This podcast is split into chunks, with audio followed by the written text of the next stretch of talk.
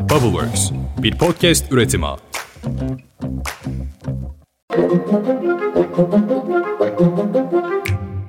Günaydın. Bugün 10 Temmuz 2023. Ben Özlem Gürses. Bubbleworks Media ile birlikte hazırladığımız Türkiye'nin en çok dinlenen haber podcast'i. 5 dakikada dünya gündemine hepiniz hoş geldiniz.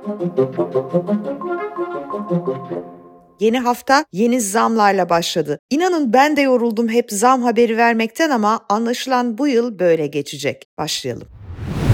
Harçlar %50 oranında artırılmış, KDV oranları %18'den 20'ye çıkartılmış, tüketici kredilerinde %10 olan BSM vergisi %15'e yükseltilmişti. Sabun, şampuan, deterjan, dezenfektan, ıslak mendil, tuvalet kağıdı, kağıt havlu, Kağıt mendil ve peçete için KDV %8'den %20'ye çıkartılmıştı. En son olarak da yurt dışından getirilen cep telefonlarından alınan harç 6000 TL'den 20.000 TL'ye çıkartılmıştı. Hah bunlar yetmezmiş gibi dün gece de benzin, motorin ve otogaza KDV zammı geldi. Üstelik önümüzdeki günlerde ÖTV zammı da devreye girecek yine aynı ürünlerde. Dün gece yarısından itibaren geçerli olmak üzere litre fiyatı benzinde 40 kuruş, motorinde 38 kuruş, otogazda 15 kuruş zamlandı. Bu son zamla birlikte seçimden sonra geçen 2 aydaki zam oranı benzinde %34,5,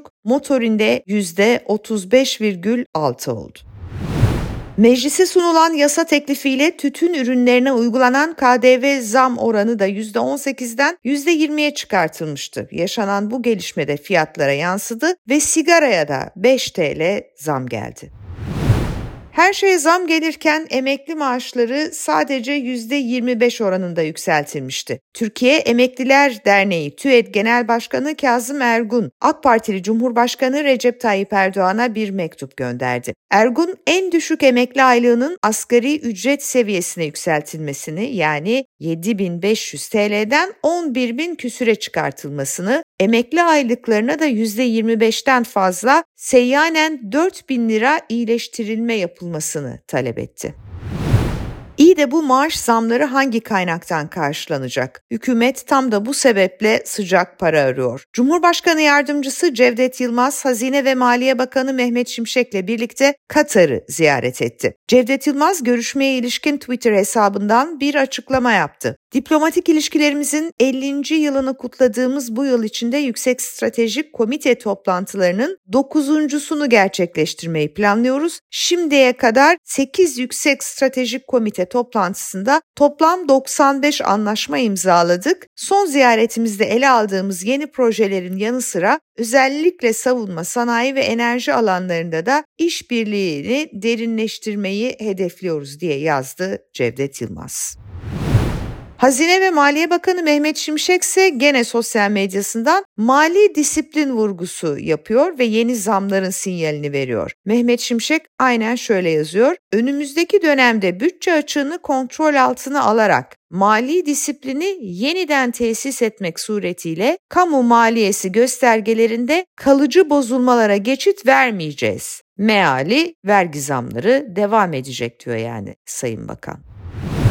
Cumhurbaşkanı Tayyip Erdoğan'la Amerika Başkanı Joe Biden telefonda bir görüşme yaptılar. Görüşmede Ukrayna'nın NATO'daki konumu, İsveç'in NATO üyeliği, F-16'ların teslimi ve Türkiye'nin Avrupa Birliği'ne tam üyelik süreci ele alınmış. Amerikan Başkanı Biden daha önce CNN'den Farid Zakaria'ya verdiği röportajda İsveç'in NATO üyelik başvurusuna değinmiş ve bu ülkenin ittifaka en yakın zamanda katılacağına inanıyorum demişti. Türkiye'nin ve Yunanistan'ın F-16 modernizasyonu talebine de vurgu yapmıştı Biden. Türkiye F-16'ların modernizasyonunu istiyor. Ayrıca Yunanistan Başbakanı Kyriakos Mitsotakis de yardım istiyor. Ben açıkçası Türkiye ve Yunanistan'ı askeri kapasite açısından güçlendirdiğimiz ve İsveç'i NATO'ya kabul ettiğimiz bir konsorsiyum oluşturmaya çalışıyorum. Ancak bu süreç henüz bitmedi demişti. E bitmedi tabii çünkü Amerikan Kongresi'nde aslında F-16 alımına Türkiye'nin ciddi şekilde itiraz eden muhalif bir grup var. Aynı şekilde NATO'nun içinde de Türkiye'ye itiraz eden bir grup var. Özellikle Rusya ile ilişkiler, S-400'lerin durumu NATO üyeliklerini rahatsız ediyor birçok ülke açısından Türkiye'nin.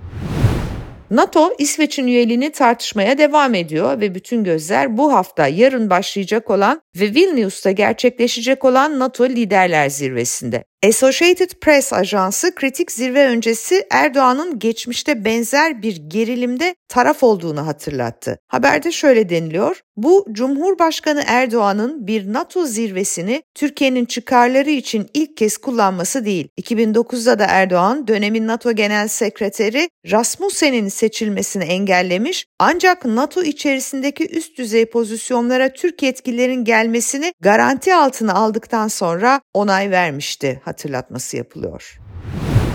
Şiddetli yağışlar Karadeniz'de çok sayıda kenti vurdu. Yollar göle döndü, araçlar su altında kaldı. Samsun'da bir kadın sele kapılarak hayatını kaybetti. Heyelan sebebiyle Zonguldak-İstanbul karayolu asfaltın yarılması nedeniyle ulaşıma kapatıldı. Bolu'da da su baskınları yaşandı. Düzce'de de yine heyelan var. Bartın'da bir sanayi sitesinde mahsur kalan işçiler helikopterle kurtarılabildi. Bolu Dağı tünelinin İstanbul istikameti trafiğe kapandı. Yaşanan bu felaketlerin ardından İçişleri Bakanı Ali Yerlikaya bölgeye hareket etti.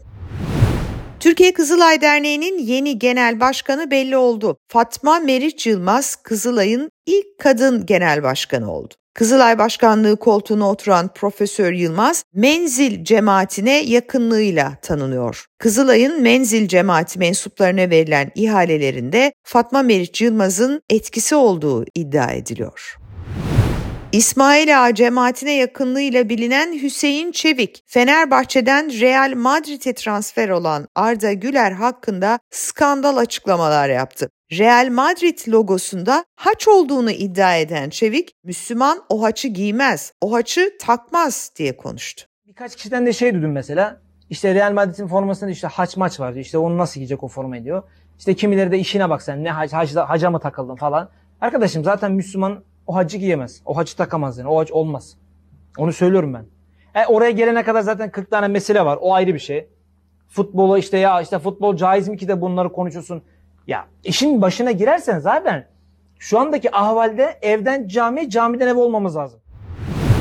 Gericilik çok cesur gördüğünüz gibi. Geçtiğimiz günlerde de TÜGVA, MÜSİAD ve İlim Yayma Cemaatinin de içinde yer aldığı Balıkesir Sivil Toplum Platformu, gençlerin ahlakını bozduğu, isyan ve başkaldırıya yönlendirdiği iddiasıyla festivallerin iptalini istemişti. Balıkesir'in Burhaniye ilçesindeki Ören plajında Aroma Terapi Festivali'nde tam da böyle bir gelişme yaşandı. AK Partili Balıkesir Büyükşehir Belediyesi Hande Yener'in konserini iptal etti. Yener iptal kararının ardından Instagram hesabında şöyle yazdı. Balıkesir konserimiz tepkiler üzerine Balıkesir Belediyesi tarafından iptal edilmiş. Her türlü görüşe saygı duyuyorum ancak bazen birbirimizin sesi olmamız gerekir. Ben yasaklanacak bir şey yaptığımı düşünmüyorum. Enerjimle ve tüm sevgimle sahnede olmaya, karşılıklı şifalanmaya devam edeceğim. Bu değişmez. Toplumu ayrıştırmamak en uygun davranış biçimi ve hep tercihim bu olacak. Bir zamanların en popüler cümlesi şuydu. Türkiye İran olur mu? İran'da başta zorunlu başörtüsü yasağı olmak üzere tüm yasaklara karşı kadınların cesur isyanı sürüyor. İsfahan'ın tarihi camilerinden birinde bir kadın şarkı söyleme yasağını şarkı söyleyerek protesto etti.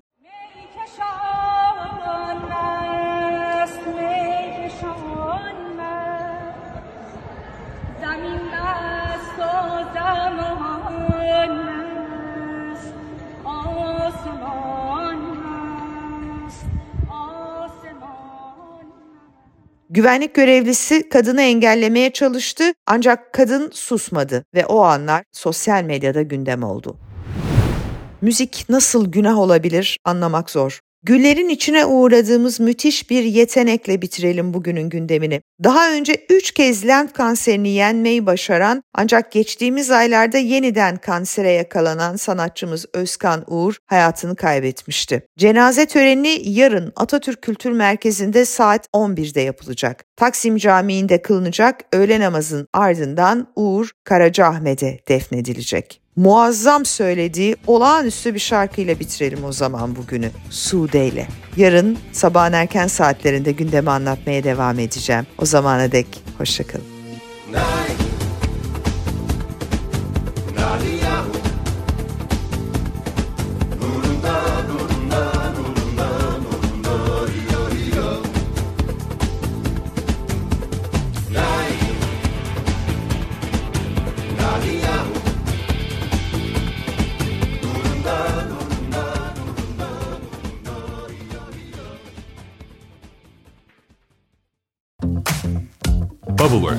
Bir podcast üretimi.